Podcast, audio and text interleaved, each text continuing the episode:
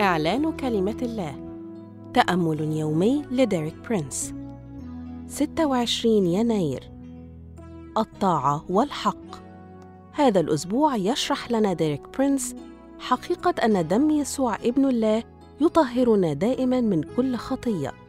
واليوم يوضح لنا أننا يجب أن نطيع كلمة الله ونسلك بالحق لكي نحصل على هذا التطهير.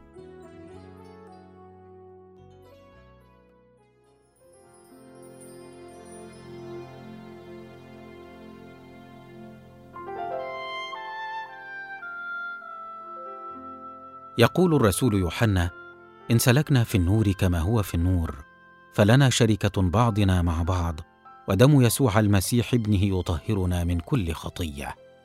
يوحنا الأولى واحد العدد سبعة. إن الشركة الحقيقية مع المؤمنين هي الاختبار الأول لمدى سلوكنا في النور. إن لم نستمتع بشركة حقيقية مع رفقائنا المؤمنين ومع الله لسنا في النور. وإن لم نسلك في النور فإن دم يسوع لن يطهرنا من خطايانا. ومن المنطقي أن يثير هذا الحق سؤالا يتعلق بكيف نسلك في النور. المبدأ الأول للسلوك في النور هو أن نطيع كلمة الله وهذا ما يعلنه المرنم في مزمور 119 العدد 105 فيقول سراج لرجلي كلامك ونور لسبيلي. والمبدأ الثاني يلخصه الرسول بولس في رسالة أفسس 4 العدد 15 فيقول بل صادقين في المحبة ننمو في كل شيء إلى ذاك الذي هو الرأس المسيح.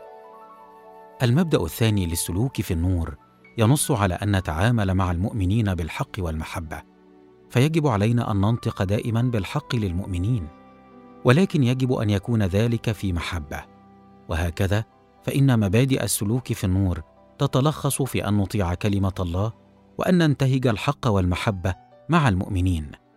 وفقط عندما نحقق هذين الشرطين نستطيع أن نعلن بثقة تامة أن دم يسوع يطهرنا من كل خطايانا. وأؤمن أننا نحن المؤمنين في حاجة شديدة إلى تطهير دم يسوع. ففي عالمنا المادي نحن نعي جيدا مدى تلوث الأجواء المادية من حولنا. ولكن في الواقع إن الأجواء الروحية ملوثة أيضا بالفجور وبالفساد والخطية. لذلك فهي تحتاج لقوة دم يسوع المطهرة. أشكرك يا رب من أجل دم يسوع. أعلن أن دم يسوع يطهرني لأني ألتزم بأن أسير في طاعة كلمة الله وفي العلاقات الصحيحة مع الآخرين. دم يسوع المسيح ابن الله يطهرني دائما من كل خطية. آمين.